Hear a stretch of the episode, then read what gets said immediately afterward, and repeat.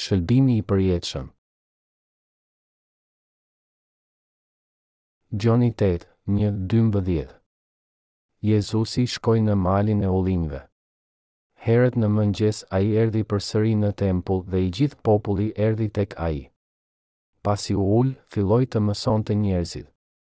Skribët dhe farizejtë sollën një grua që e kishin kapur duke tradhtuar burrin. Si e vunë gruan në mes, i thanë atij, Mjeshtër, kjo grua u kap duke tradhtuar burrin. Moisiu na ka porositur në ligj që të tilla duhen të vriten me gurë. Po ti, çfarë thua? Këtë e thoshin për ta vënë në provë, që të kishin për çfarë ta padisnin. Por Jezusi, si u përkul poshtë, filloi të shkruante me gisht në tokë, sikur të mos kish dëgjuar. Ndërsa vazhdonin me ngulm ta pyesnin, ai u ngrit dhe u tha, Kush prej jush është pa mëkate, le ta hedhë i pari gurin mbi të. Dhe u përkul përsëri dhe po shkruante në tokë. Ata që e dëgjuan, duke u bindur me ndërgjegjen e vet, filluan të dalin një nga një, duke nisur nga më të moshuarit, madje deri tek i fundit. Dhe Jezusi mbeti vetëm, si dhe gruaja që ishte aty në mes. Kur u ngrit, Jezusi nuk pa asnjë, përveç gruas. Ai i tha asaj, Grua, ç'u bënë ata? Askush nuk të paska dënuar? Ajo tha, Askush, Zot. Atëherë Jezusi i tha, As unë nuk po të dënoj. Shko dhe tani e tutje mos mëkato më. Pastaj Jezusi u foli përsëri atyre, duke thënë, Unë jam drita e botës. Kush vjen pas meje nuk do të ecë në errësirë, por do të ketë dritën e jetës. Sa mëkat fshiu Jezusi? Të gjitha mëkatet e botës. Jezusi na dha shëlbim të përjetshëm. Nuk ka asnjë në këtë botë që nuk mund të shëlbehet, nëse ai e beson Jezusin si Shpëtimtarin e vet ai na shëlbeu të gjithëve. Në qoftë se ka ndonjë mëkatar që është në agoni për mëkatet e tij, kjo ndodh sepse se ai nuk e kupton se si Jezusi e ka çliruar atë nga të gjitha mëkatet me anë të pagëzimit të tij. Ne të gjithë duhet ta dimë dhe të besojmë në sekretin e shpëtimit.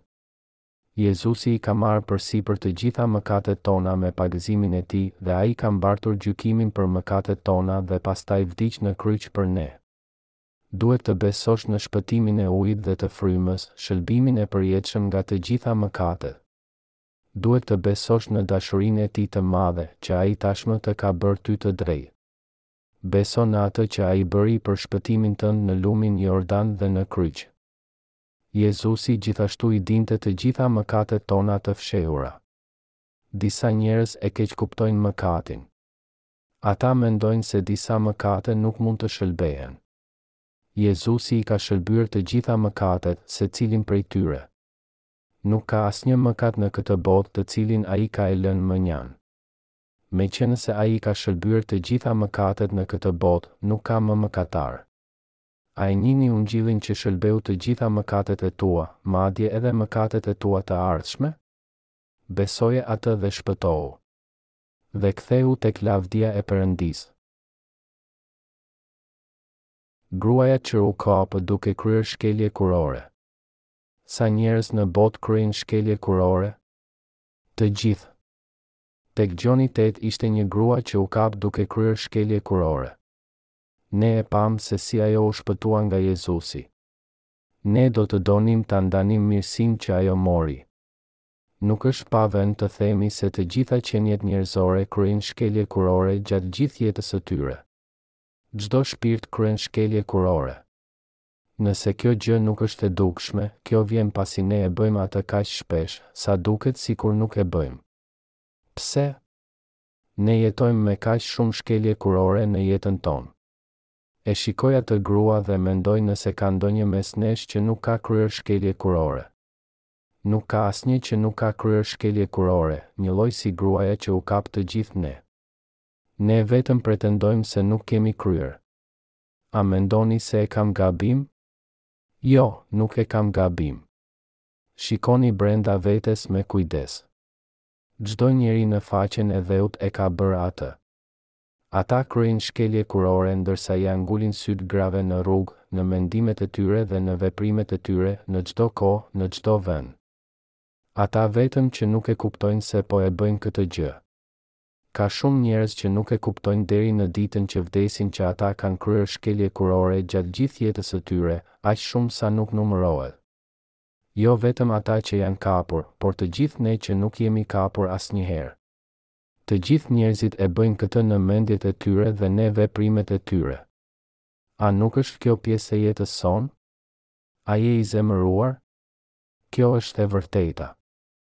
Ne po e kalojmë atë në heshtje vetëm sepse jemi të turpëruar. Unë besoj se njerëzit këto ditë kryejnë shkelje kurore gjatë gjithë kohës, por nuk e kuptojnë se po e bëjnë atë. Njerëzit gjithashtu kryejnë shkelje kurore në shpirtrat e tyre. Ne, të cilët jemi krijuar nga Perëndia, jetojmë në këtë tokë pa e kuptuar kurrë se kryejmë shkelje kurore në shpirtrat tanë. Adhurimi i perëndive të tjerë është shkelje kurore shpirtërore, pasi Zoti është Burri i vetëm i të gjithë njerëzimit.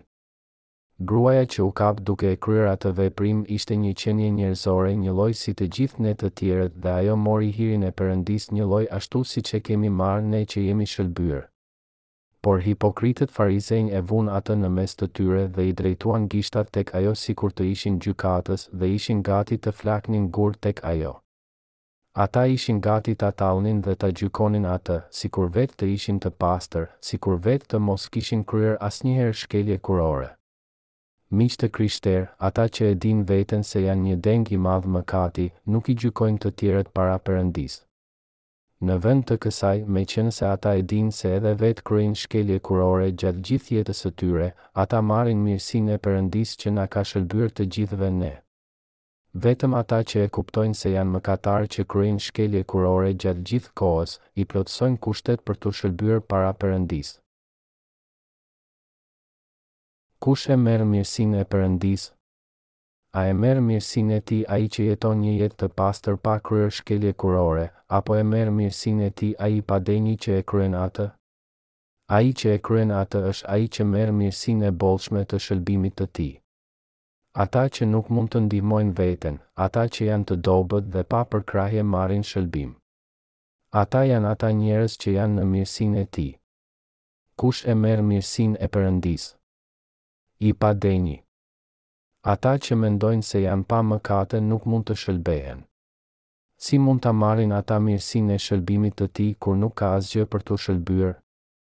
Skribët dhe farizenjtë e zvarritën gruan që u kap duke kryer shkelje kurore para Jezusit dhe e vunë atë në mesin e tyre dhe e pyetën atë, Mjeshtër, kjo grua u kap duke tradhëtuar burrin. Po ti, çfarë thua tani? Pse e sollën ata gruan para tij dhe e vunë në provë atë? Ata vetë gjithashtu kishin kryer shkelje kurore, por po përpiqeshin ta gjykonin dhe ta vrisnin atë nëpërmjet Jezusit dhe pastaj të përpiqeshin që t'ia hidhnin fajin atij. Jezusi e dinte se ç'kishte në mendjet e tyre dhe dinte gjithçka rreth kësaj gruaje. Prandaj ai tha, Kush prej jush është pa mëkate, le ta hedhë i pari gurin mbi të. Pastaj skribët dhe farizenjtë, duke nisur nga më të moshurarit e deri tek i fundit, filluan të largohen një nga një, dhe aty mbetën vetëm Jezusi dhe gruaja. Ata që u larguan ishin skribët dhe farizenjtë, udhëheqësit fetarë. Ata ishin bërë gati ta gjykonin gruan që u kap duke kryer shkelje kurore, sikur vetë të mos ishin mëkatarë. Jezusi shfaqi dashurinë e tij në këtë botë. Ai ishte bartësi i dashurisë. Jezusi i dha njerëzve ushqim, solli në jetë të vdekurin, ia ktheu jetën djalit të një të veje, ringjalli Lazarin, shëroi lebrozët dhe bëri mrekullira për të varfërit. Dhe ai ua hoqi të gjitha mëkatet të gjithë mëkatarëve dhe u dha atyre shpëtim. Jezusi na do ai është i plotfuqishmi i cili mund të bëjë çdo gjë, por farizenjtë dhe skribët menduan se ai ishte armiku i tyre. Kjo është arsyeja pse e sollën ata gruan para tij dhe e vunë në provë atë. Ata i thanë, Mjeshtër, Moisiu na ka porositur në ligj që të tilla duhen të vriten me gurë. Po ti, çfarë thua? Ata menduan se ai do t'u thoshte atyre ta vrisnin atë me gurë. Pse? Nëse ne do të gjykonim sipas atyre që janë shkruar në ligjin e Perëndisë, të gjithë njerëzit që kanë kryer shkelje kurore do të vriteshin me gurë pa asnjë përjashtim. Të gjithë duhet të vriten me gurë për vdekje dhe të gjithë janë të destinuar të shkojnë në ferr. Pagesa e mëkatit është vdekja. Megjithatë, Jezusi nuk u tha atyre ta vrisnin me gurë atë, por në vend të kësaj tha, Kush prej jush është pa mëkate, le ta hedhë i pari gurin mbi të. Pse na dha Perëndia gjashtëqind e trembëdhjetë nene të Ligjit? Që ne ta kuptojmë që jemi mëkatarë. Ligji sjell zemërim. Perëndia është i shenjtë dhe kështu është ligji i tij. Ky ligj i shenjtë erdhi tek ne me anë të gjashtëqind e trembëdhjetë neneve.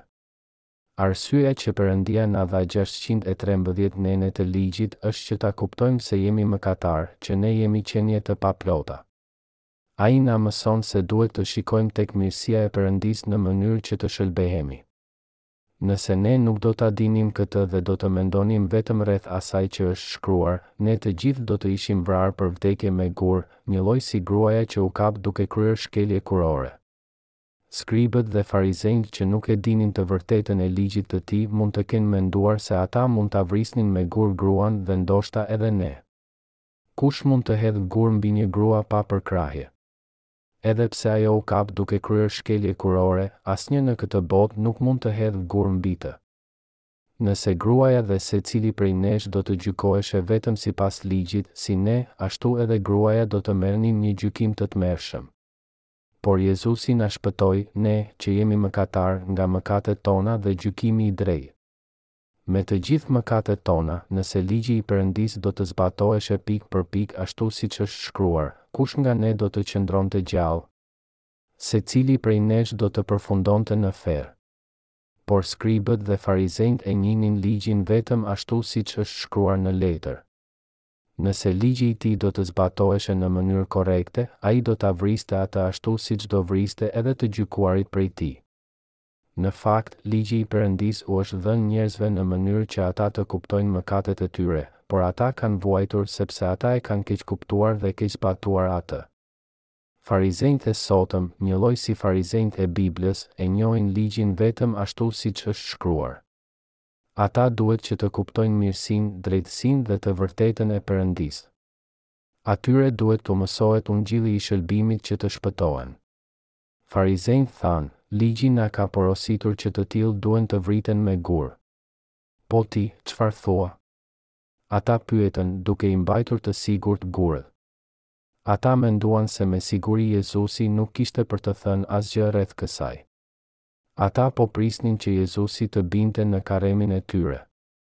Nëse Jezusi do të gjykonte sipas ligjit, edhe ai vetë do të ishte vrarë me gurë prej tyre. Qëllimi i tyre ishte që ata t'i vrisnin me gurë të dy ata. Nëse Jezusi do të thoshte të mos ta vrisnin me gurë gruan, atëherë ata do të thoshin se Jezusi kishte flakur ligjin e Perëndisë dhe do ta vrisnin me gurë atë për blasfemi. Çfarë kurthi i tmerrshëm që ishte! Por Jezusi, si u përkul poshtë, filloi të shkruante me gisht në tokë, dhe ata vazhduan që ta pyesnin Atë, Po ti çfarë thua? Çfarë po shkruan në tokë? Vetëm përgjigju pyetjes sonë. Po ti, çfarë thua? Ata i drejtuan gishtat nga Jezusi dhe vazhduan që t'i binin në qafë Atij. Jezusi u ngrit dhe u tha atyre se ai që ishte pa mëkate, ta hidhte i pari gurin mbi të. Dhe u përkul përsëri dhe po shkruante në tokë. Ata që e dëgjuan, duke u bindur me ndërgjegjen e vet, filluan të dalin një nga një, duke nisur nga më të moshuarit, madje deri tek i fundit. Dhe Jezusi mbeti vetëm, si dhe gruaja që ishte aty në prezencën e tij. Kush prej jush është pa mëkate, le ta hedhë i pari gurin mbi të. Ku regjistrohen mëkatet? Në rrasën e zemrave tona dhe në librat e veprave. Jezusi u tha atyre, Kush prej jush është pa mëkate, le ta hedhë i pari gurin mbi të, dhe ai vazhdoi të shkruante në tokë. Pastaj, disa nga më të moshuarit filluan të largoheshin. Të moshuarit që kishin kryer më shumë mëkate u larguan të parët. Pastaj edhe të rinjtë u larguan. Le të supozojmë se Jezusi po qëndronte mes nesh dhe ne po qëndronim rreth gruas. Nëse Jezusi do të na thoshte se ai prej nesh që ishte pa mëkate, le ta hidhte i pari gurin, çfarë do të bëje ti? Çfarë po shkruante Jezusi në tokë? Perëndia që na krijoi i shkruan mëkatet tona në dy vende të ndryshme. E para, Ai i shkruan mëkatet tona në rrasën e zemrave tona. Mëkati i Judës është shkruar me një stilo hekuri, është gërvishtur me një majë diamanti mbi rrasën e zemrës së tyre dhe mbi brirët e altarëve tuaj Jeremia shtatëmbëdhjetë, një. Perëndia flet me ne nëpërmjet Judës, i cili është përfaqësuesi ynë. Mëkatet e qenieve njerëzore janë gërvishtur me një stilo hekuri, me një majë diamanti. Ato janë regjistruar në rrasën e zemrave tona. Jezusi u përkul poshtë dhe shkroi në tokë se njerëzit janë mëkatarë. Perëndia e di që ne mëkatojmë dhe ai i shkruan mëkatet tona në rrasën e zemrave tona. E para, ai i regjistron veprat tona, mëkatet që kryejmë, sepse ne jemi të brishtë para ligjit. Ndërsa mëkatet regjistrohen në zemrat tona, ne e kuptojmë që jemi mëkatarë dhe i hedhim sytë nga ligji. Meqenëse Ai i regjistroi ato në zemrat tona, në ndërgjegjen tonë, ne e dimë që jemi mëkatarë përpara Tij. Dhe Jezusi u përkul poshtë herën e dytë për të shkruar në tokë. Shkrimet e Shenjta thonë që të gjitha mëkatet tona janë gjithashtu të regjistruara në librat e veprave përpara Perëndisë, Zbulesa njëzet, dymbëdhjetë. Emri i personit dhe mëkatet e tij janë të regjistruara në librin. Dhe ato janë gjithashtu të regjistruara në rrasën e zemrës së personit. Mëkatet tona regjistrohen dy herë, në librin e veprave dhe në rrasën e zemrave tona. Mëkatet regjistrohen në rrasën e zemrës së secilit, i moshuar apo i ri. Kjo është arsyeja që ata nuk kishin asgjë për të thënë në lidhje me mëkatet e tyre përpara Jezusit. Ata që po përpiqeshin të vrisnin gruan me gur, ishin të paaftë përpara fjalëve të tij. Kur fshihen mëkatet tona që regjistrohen në dy vende? Kur ne pranojmë shëlbimin e ujit dhe të gjakut të Jezusit në zemrat tona? Megjithatë, kur merrni shpëtim, të gjitha mëkatet tuaja në librin e veprave fshihen dhe emri juaj do të shkruhet në librin e jetës. Ata, emrat e të cilëve shfaqen në librin e jetës, shkojnë në qiell. Veprat e tyre të mira, gjërat që ata kanë bërë në këtë botë për mbretërinë e Perëndisë dhe drejtësinë e Tij gjithashtu regjistrohen në librin e jetës. Ata pranohen në qiell. Ata që janë çliruar nga mëkatet e tyre, hyjnë në vendin e përjetësisë.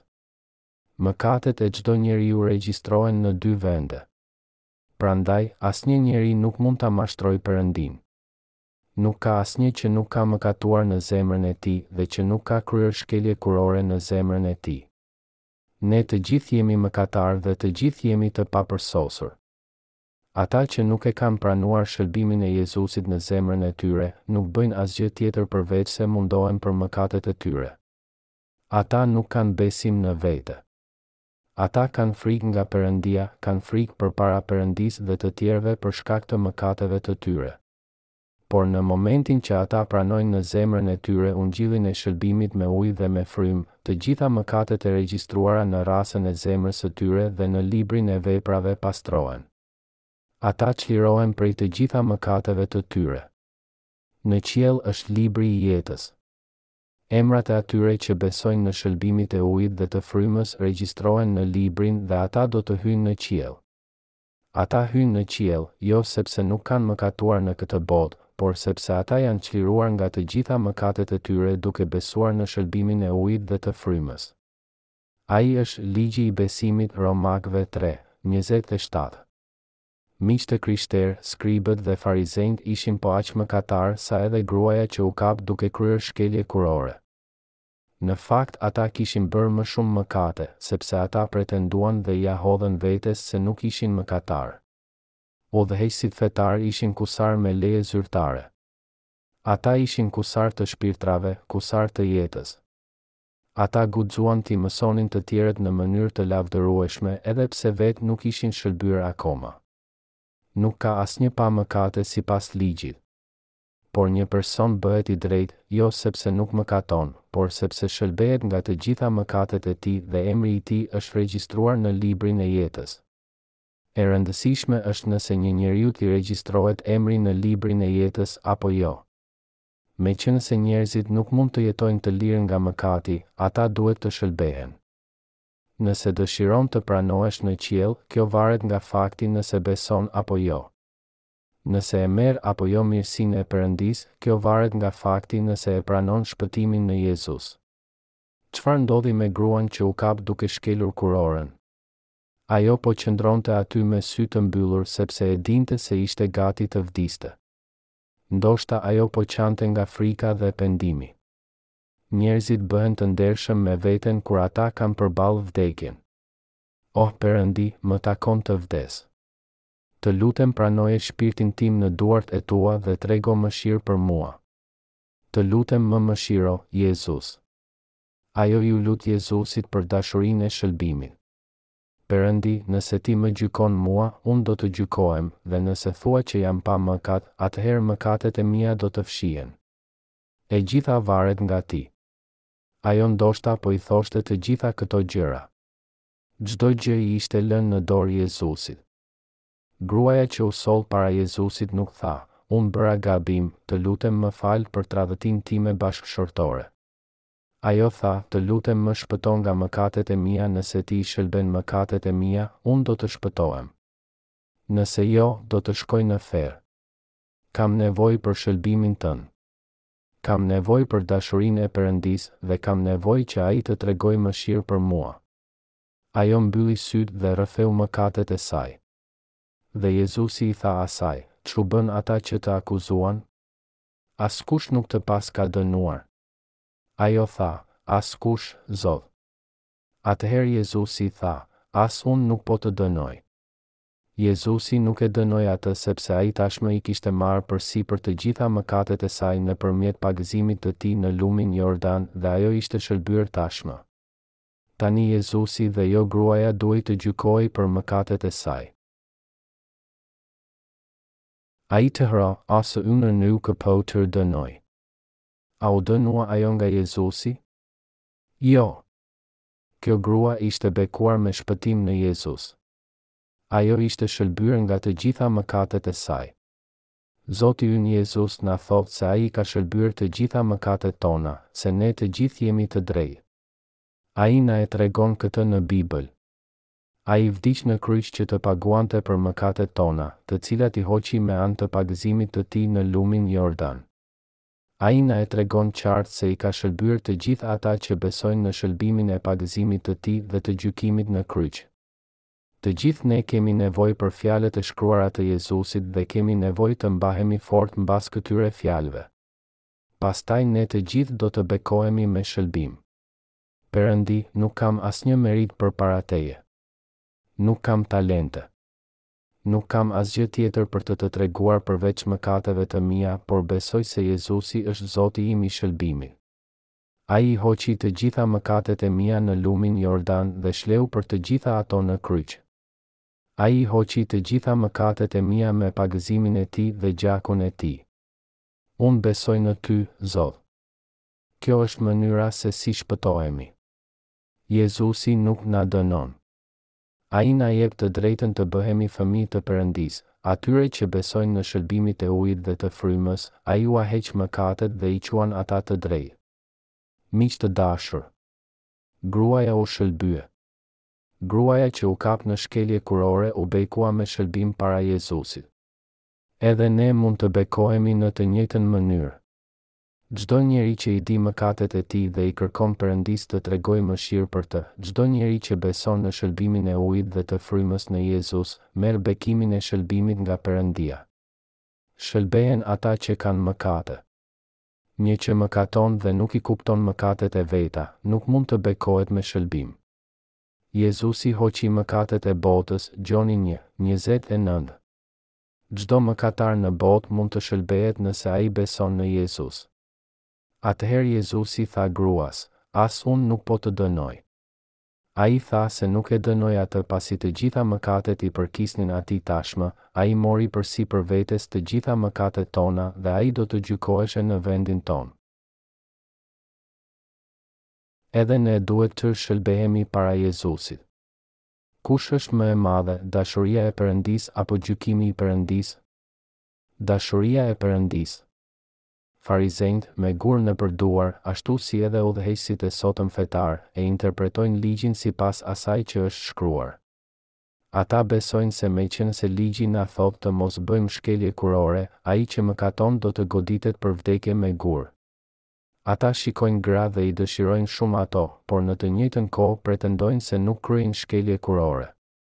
Ata as nuk mund të shëlbehen dhe as nuk mund të shpëtohen. Farizenjtë dhe skribët ishin moralistët e kësaj bote. Ata nuk ishin ata që i thirri Jezusi. Këta njerëz asnjëherë nuk e dëgjuan atë të thoshte, Unë nuk do t'ju dënoj. Vetëm gruaja që u kap në shkelje kurore i dëgjoi këto fjalë të gëzueshme. Nëse je i ndershëm përpara tij, edhe ti mund të bekohesh si ajo. Perëndi, unë kryej shkelje kurore gjatë gjithë jetës sime. Në pamjen e jashtme duket sikur nuk e bëj këtë gjë, pasi në fakt e bëj shumë shpesh. Unë mëkatoj disa herë çdo ditë. Kur ne e pranojmë ligjin dhe faktin që jemi mëkatarë që duhet të vdesim dhe të ballafaqohemi me Perëndinë ndershmërisht, kur e pranojmë veten ashtu siç jemi, duke thënë, Perëndi, ja kush jam unë. Të lutem më shpëto, Perëndia do të na bekojë me shëlbim. Dashuria e Jezusit, e Ujit dhe e Frymës ka fituar mbi gjykimin e drejtë të Perëndisë. As unë nuk të dënoj. Ai nuk na dënon dhe Ai thotë, Ti je shëlbyer. Zoti ynë Jezus Krishti është Perëndia i dhembshurisë. Ai na ka çliruar nga të gjitha mëkatet e botës. Perëndia ynë është Perëndia i drejtësisë dhe Perëndia i dashurisë. Dashuria e ujit dhe e frymës janë madje akoma më të mëdha sesa gjykimi i tij. Dashuria e tij është më e madhe se drejtësia e tij. Pse na shëlbeu të gjithëve ai? sepse dashuria e tij është më e madhe se drejtësia e tij. Në qoftë se Perëndia do ta impononte gjykimin e tij për të kompletuar drejtësinë e tij, ai do t'i kishte gjykuar të gjithë mëkatarët dhe do t'i dërgonte ata në ferr. Por meqenëse dashuria e Jezusit që na shpëton nga gjykimi është më e madhe, Perëndia dërgoi Birin e tij të vetëm, Jezusin.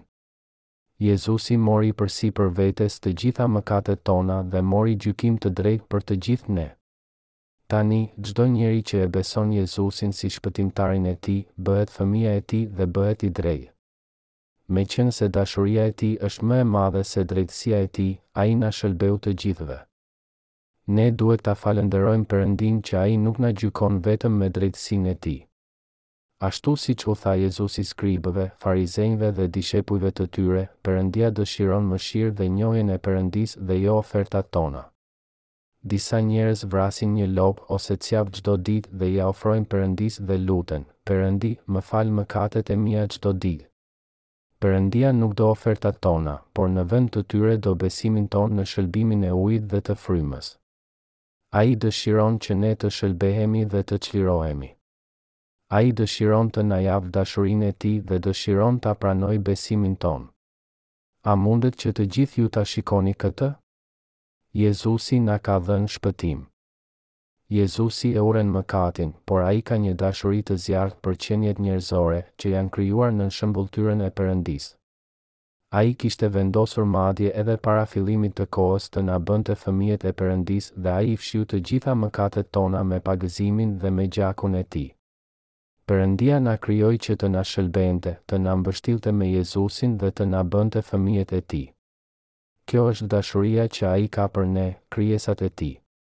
Nëse Perëndia do të na gjykonte vetëm sipas ligjit të tij, ne, mëkatarët do të kishim vdekur të gjithë.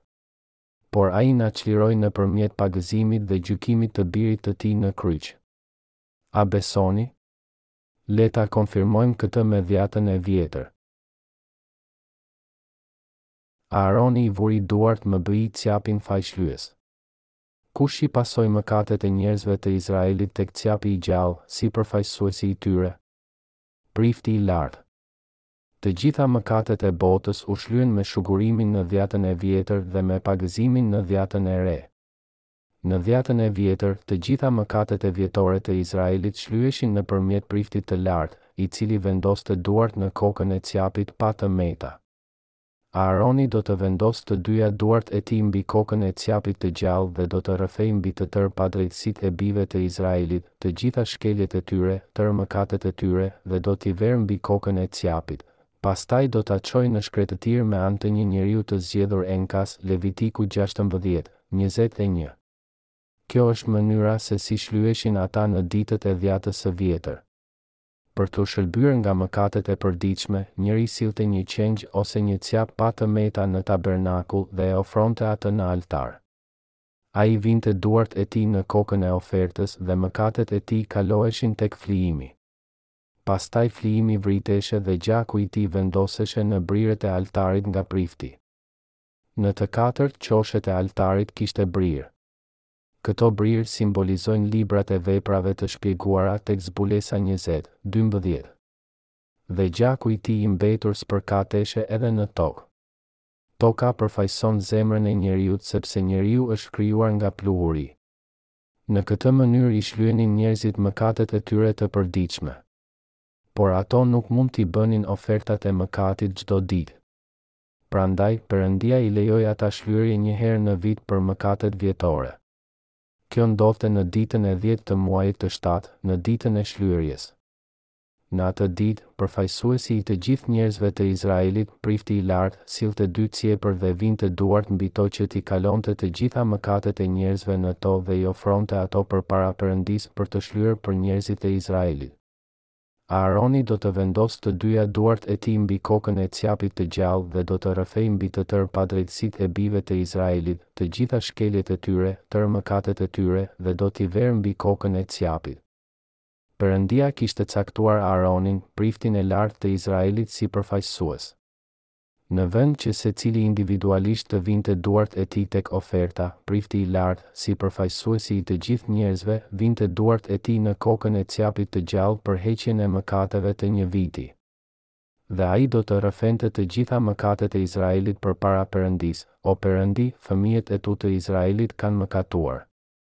Ne kemi adhuruar idhuj, kemi thyer të gjitha nenet e ligjit tënd, kemi thirrur emrin tënd më kot, kemi krijuar idhuj të tjerë dhe i kemi dashur ata më shumë se ty nuk e kemi mbajtur ditën e Shabatit të shenjtë, nuk i kemi respektuar prindërit tanë, kemi vrarë, kemi bërë shkelje kurore dhe kusari. Ne jemi dhënë pas xhelozisë dhe sherreve. Ai i rreshtonte të gjitha mëkatet. Perëndi, as njerëzit e Izraelit dhe as unë nuk kemi qenë në gjendje të mbanim ndonjë gjë nga ligji yt. Për t'u shëlbyer nga të gjitha këto mëkate, unë ve duart e mia mbi kokën e këtij cjapi dhe ia kaloj atij të gjitha këto mëkate. Prifti i lartë vinte duart e tij tek oferta për të gjithë njerëzit dhe i kalonte të gjitha mëkatet në kokën e ofertës. Shugurimi ose vënia e duarve do të thotë të kalosh Levitiku një, një, katër, gjashtëmbëdhjetë, njëzet, njëzet e një. Si kryheshe shlyerja në kohën të Dhjatës së Vjetër? Nëpërmjet vënies së duarve në kokën e flijimit për mëkatin. Perëndia ia kishte dhënë ritualin e flijimit për mëkatin njerëzve të Izraelit, në mënyrë që ata të mund t'i kalonin aty të gjitha mëkatet e tyre dhe të shëlbeheshin. Ai e cilësoi se flijimi për mëkatin duhej të ishte pa të meta dhe se flijimi për mëkatin duhej të vdiste në vend të personit. Në ditën e Shlyerjes, flijimi për mëkatin vriteshe dhe gjaku i tij merrej brenda vendit të shenjtë dhe pajtuesi spërkatej shtatë herë me të. Në këtë mënyrë njerëzit e Izraelit shlyenin për mëkatet e një viti në ditën e dhjetë të muajit të shtatë.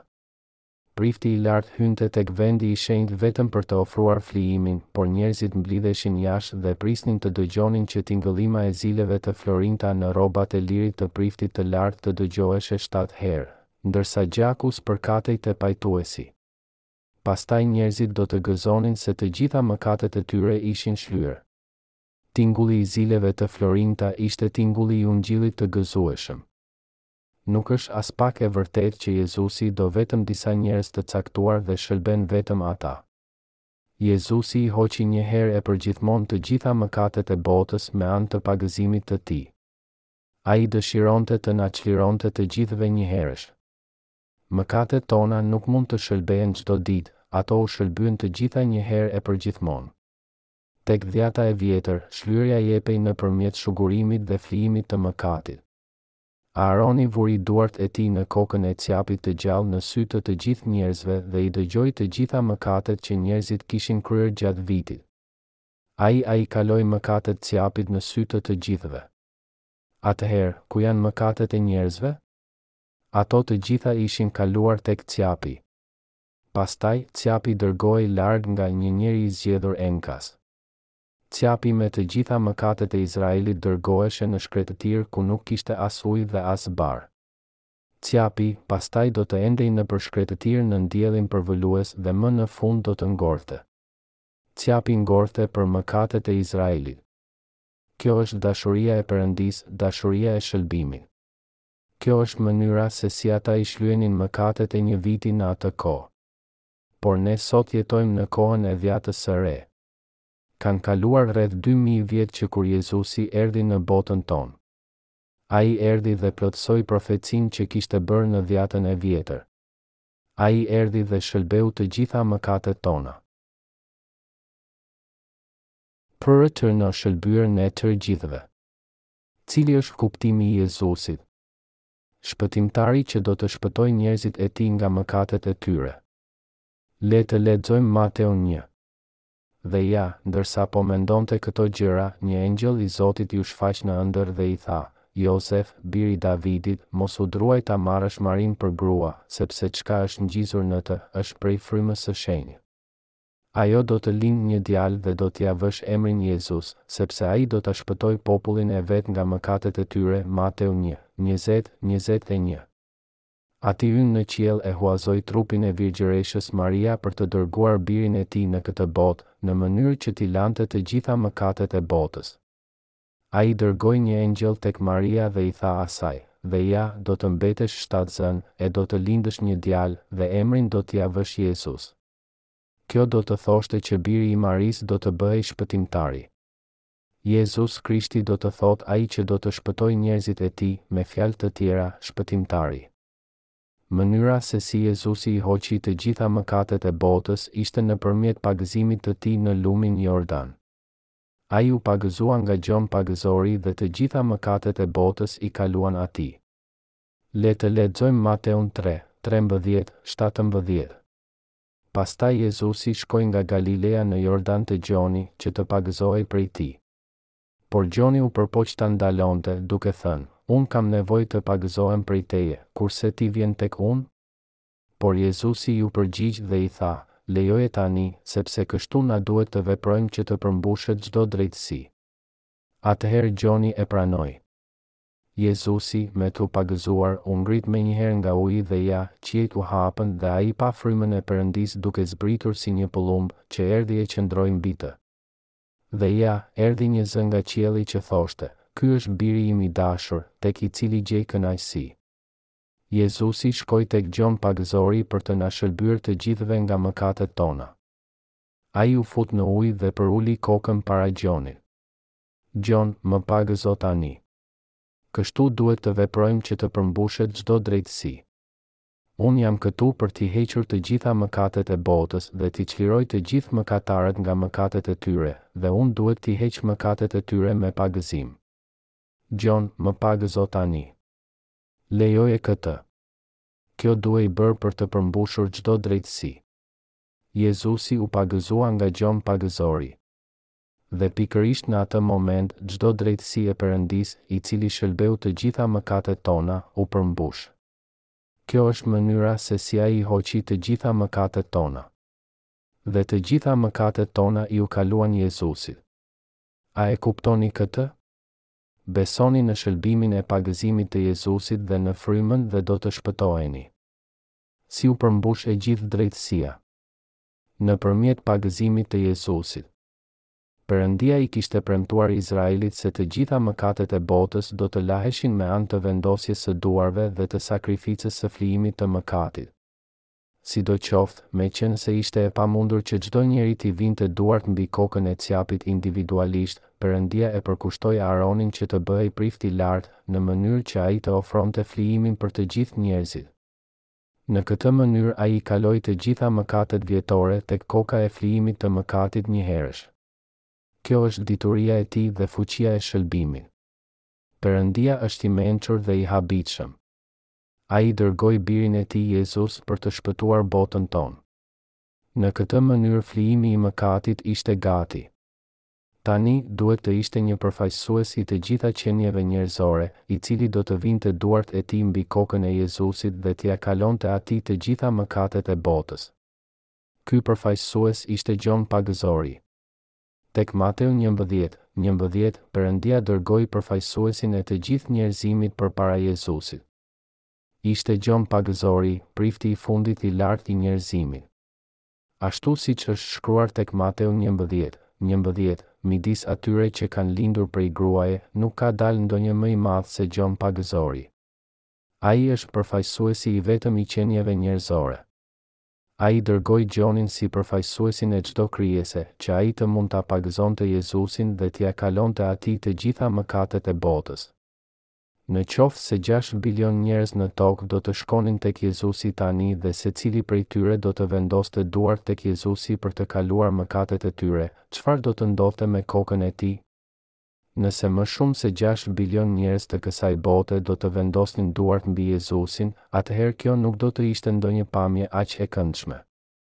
Disa njerëz entuziastë mund të shtypnin aq fort sa të gjithë flokët e tij do të kishin rënë. Perëndia, me mençurinë e Tij, caktoi Gjonin të ishte përfaqësuesi ynë dhe t'ia kalonte Jezusit të gjitha mëkatet e botës një herë e përgjithmonë. Te Mateu tre, trembëdhjetë, shtatëmbëdhjetë është regjistruar, Pastaj Jezusi shkoi nga Galileja në Jordan te Gjoni, që të pagëzohej prej tij. Kjo ndodhi kur Jezusi ishte tridhjetë vjeç. Jezusi u rrethpre tetë ditë mbas lindjes së Tij. dhe nuk ka shumë të dhëna të regjistruara për të deri sa i mbushi tridhjetë. Arsyeja që Jezusi duhej të priste deri sa të bëhej tridhjetë vjeç për t'u bërë prift i lartë qiellor ishte që të përmbushej dhjata e vjetër. Tek Ligji i Përtërirë, Perëndia i tha Moisiut që prifti i lartë duhet të ishte të paktën tridhjetë vjeç para se ai të shërbente priftërinë e lartë. Jezusi është Prifti i Lartë Qiellor. A e besoni këtë? Në Dhjatën e Vjetër, tek Mateu tre, trembëdhjetë, katërmbëdhjetë, thuhet, Pastaj Jezusi shkoi nga Galileja në Jordan te Gjoni, që të pagëzohej prej tij. Por Gjoni u përpoq ta ndalonte, duke thënë, Unë kam nevojë të pagëzohem prej teje. Kush është përfaqësuesi i njerëzimit? Gjon Pagëzori.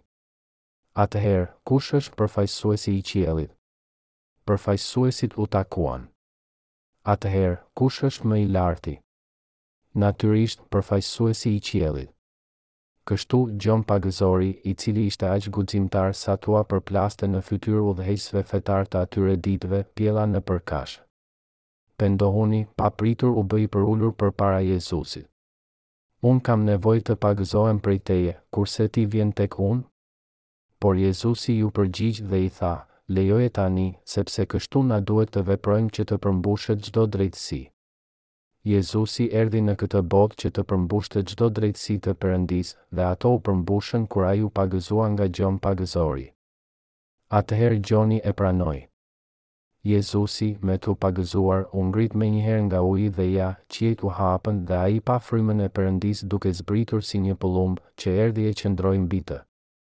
Dhe ja, erdhi një zë nga qielli që thoshte, Ky është Biri im i dashur, tek i cili gjej kënaqësi.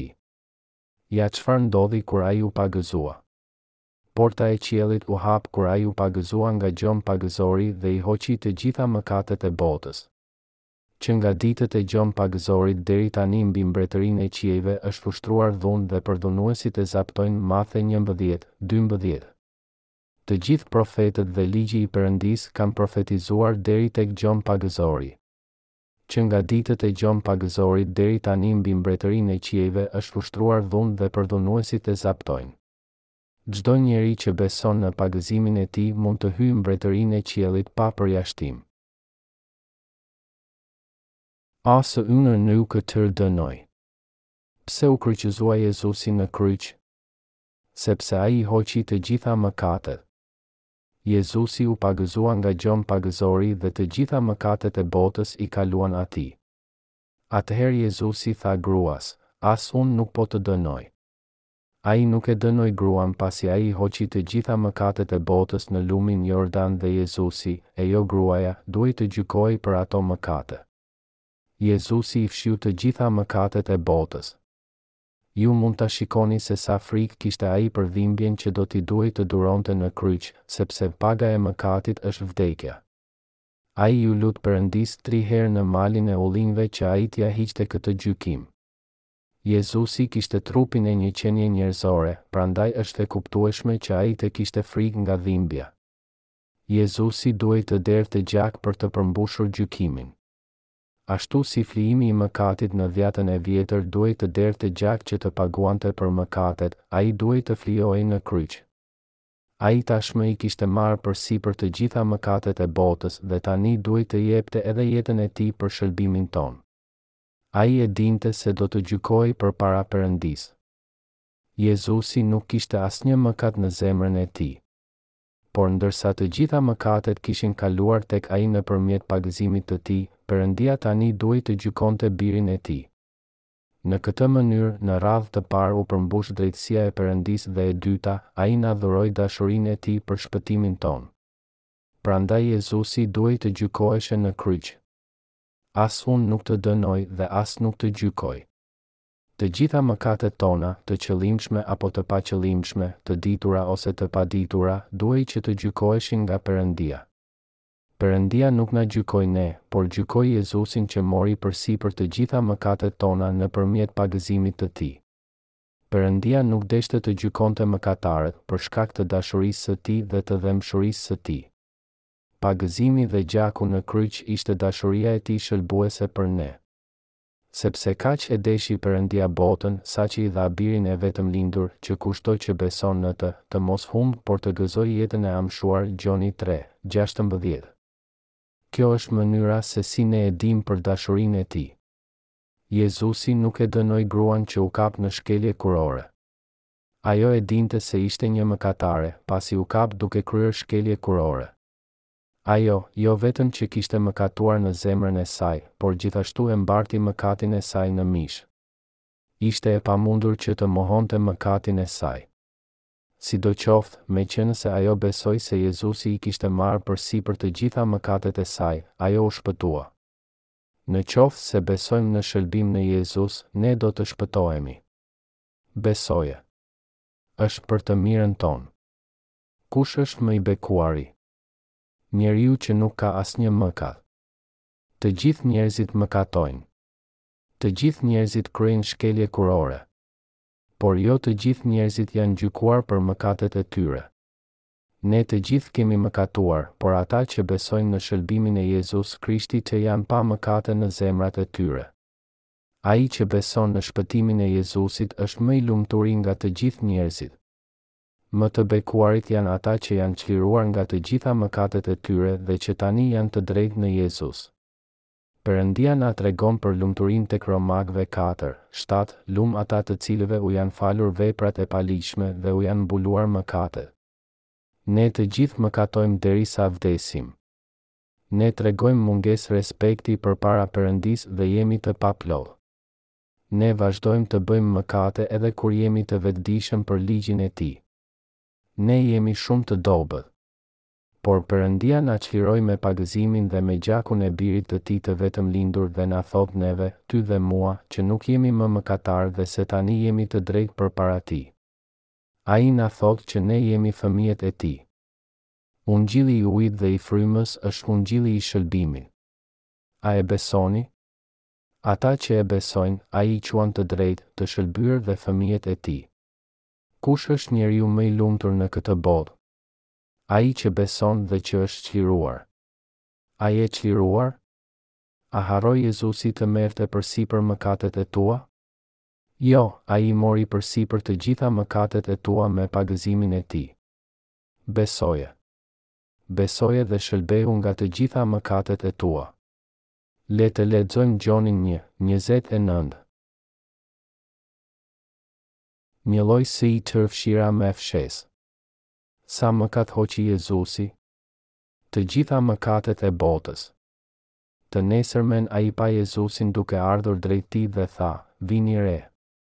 Qengji i Perëndisë që heq mëkatin e botës. Gjoni një, njëzet e nëntë. Vini re. Qengji i Perëndisë që heq mëkatin e botës. Gjon Pagëzori i kaloi të gjitha mëkatet e botës tek Jezusi në Jordan. Ditën tjetër ai dëshmoi se Jezusi ishte Qengji i Perëndisë i cili hoqi të gjitha mëkatet e botës. Ai mori mbi supet e tij të gjitha mëkatet e botës. Të gjitha mëkatet e botës do të thotë të gjitha mëkatet që qeniet njerëzore kanë bërë në këtë botë, që nga krijimi i botës e deri në mbarim të saj. Rreth dy mijë vjet të shkuara, Jezusi i hoqi të gjitha mëkatet e botës dhe na shëlbeu. Si qengji i Perëndisë, ai i hoqi të gjitha mëkatet tona dhe u gjykua për ne. Çdo mëkat që ne, qeniet njerëzore bëjmë, është kaluar tek Jezusi. dhe ai u bë qengji i Perëndisë që hoqi mëkatet e botës. Jezusi erdhi në këtë botë si një njeri i përulur, si një që do të shpëtonte të gjithë mëkatarët e botës. Ne bëjmë mëkat sepse jemi të dobët, sepse jemi injorantë, sepse jemi mendjelehtë dhe sepse jemi të paplotë. Të gjitha këto mëkate u fshinë dhe u vunë në kokën e Jezusit me pagëzimin e tij në Jordan. Dhe ai e përfundoi gjithçka me vdekjen e tij në mish në kryq. Ai u varros, por u ringjall mbas tre ditëve. Si shpëtimtari i të gjithë mëkatarëve, si ngadhënjimtari, si gjykatësi, ai tani qëndron në krahun e djathtë të Perëndisë. Ai nuk ka nevojë të na shëlbejë përsëri dhe e vetmja gjë që duhet të bëjmë për t'u shpëtuar është që të besojmë. Jeta e përjetshme i pret ata që besojnë dhe shkatërrimi i pret ata që nuk besojnë. Nuk ka asnjë mundësi tjetër. Jezusi ju çliroi të gjithëve ju. Ju jeni njerëzit më të lumtur në botë. Të gjitha mëkatet që do të bëni në të ardhmen për shkak të dobësisë tuaj, Ai i mori mbi vete pa përjashtim. A ka ngelur ndonjë mëkat në zemrën tënde? Jo. A i mori të gjitha ato Jezusi? Po. I mori. Të gjithë njerëzit janë njëlloj. Asnjë nuk është më i shenjtë se fqinji i vet por meqenëse shumë njerëz janë hipokritë, ata mendojnë se nuk janë mëkatarë. Por në të vërtetë edhe ata janë mëkatarë. Kjo botë është serë që rrit mëkatin. Kur gratë dalin jashtë shtëpive të tyre, ato vënë të kuq buzësh, pudër në fytyrë, i rregullojnë flokët, veshin rroba të mira dhe veshin taka të larta. Edhe burrat shkojnë tek berberi për të prerë flokët, e rregullojnë veten, veshin këmisha të pastra, kollare me modë dhe lustrojnë këpucët. Por ndërsa ata mund të duken si princër dhe princesha në pamjen e jashtme, brenda ata janë si pirgu më i fëlliqur i plehrave. A e bën paraja të lumtur njeriun? A e bën shëndeti të lumtur njeriun? Jo. Vetëm shëlbimi e bën njeriun me të vërtetë të lumtur. Sado i lumtur që duket një person në pamjen e jashtme, ai është i mjerë nëse ka mëkat në zemrën e tij. Ai jeton me frikën e gjykimit. Një person i shëlbyer është guximtar si një luan edhe në rrecka. Nuk ka asnjë mëkat në zemrën e tij. Faleminderit Zot, ti shpëtove një mëkatar si unë, ti i fshive të gjitha mëkatet e mia e di që nuk ka ndonjë gjë të rëndësishme për të parë tek unë, por unë të lavdëroj ty që më ke shpëtuar. Unë jam shëlbyer për gjithnjë nga mëkatet e mia lavdia qoftë me Perëndinë. Një person që është çliruar është me të vërtetë shumë i lumtur. Një person që është bekuar me mirësinë e tij të shëlbimit është me të vërtetë një person i lumtur.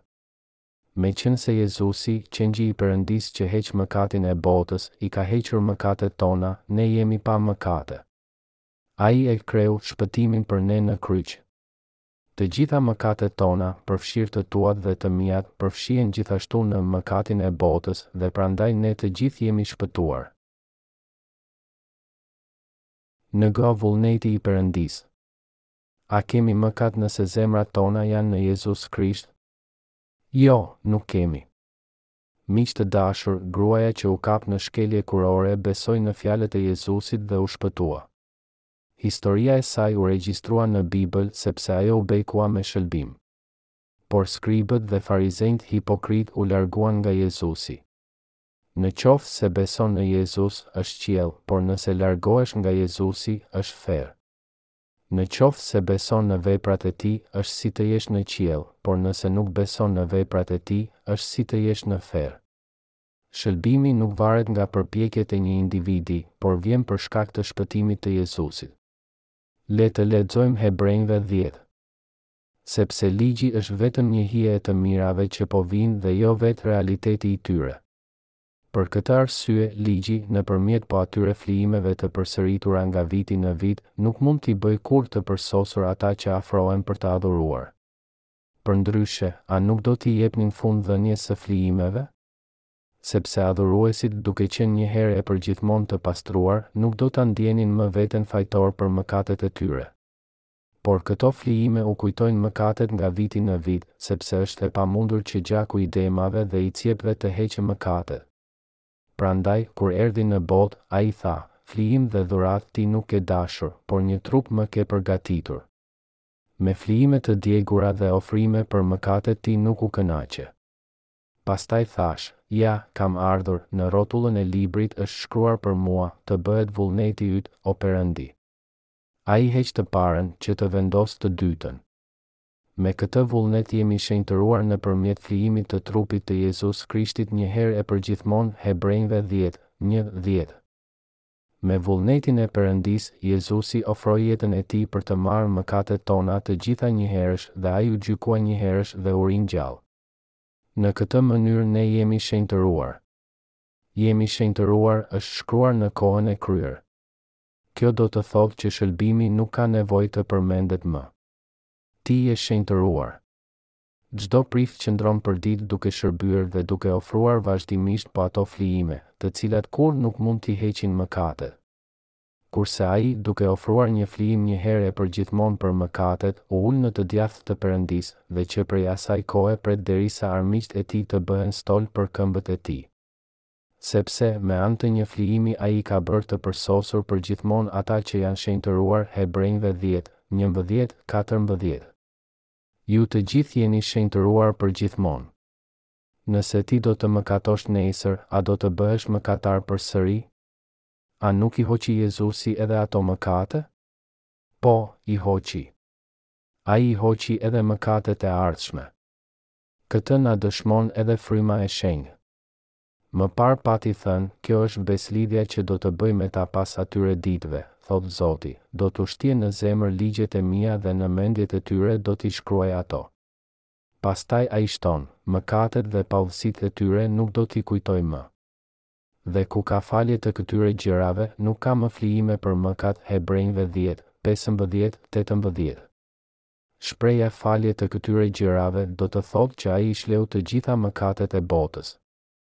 Jezusi është Shpëtimtari ynë. Shpëtimtari im dhe Shpëtimtari yt.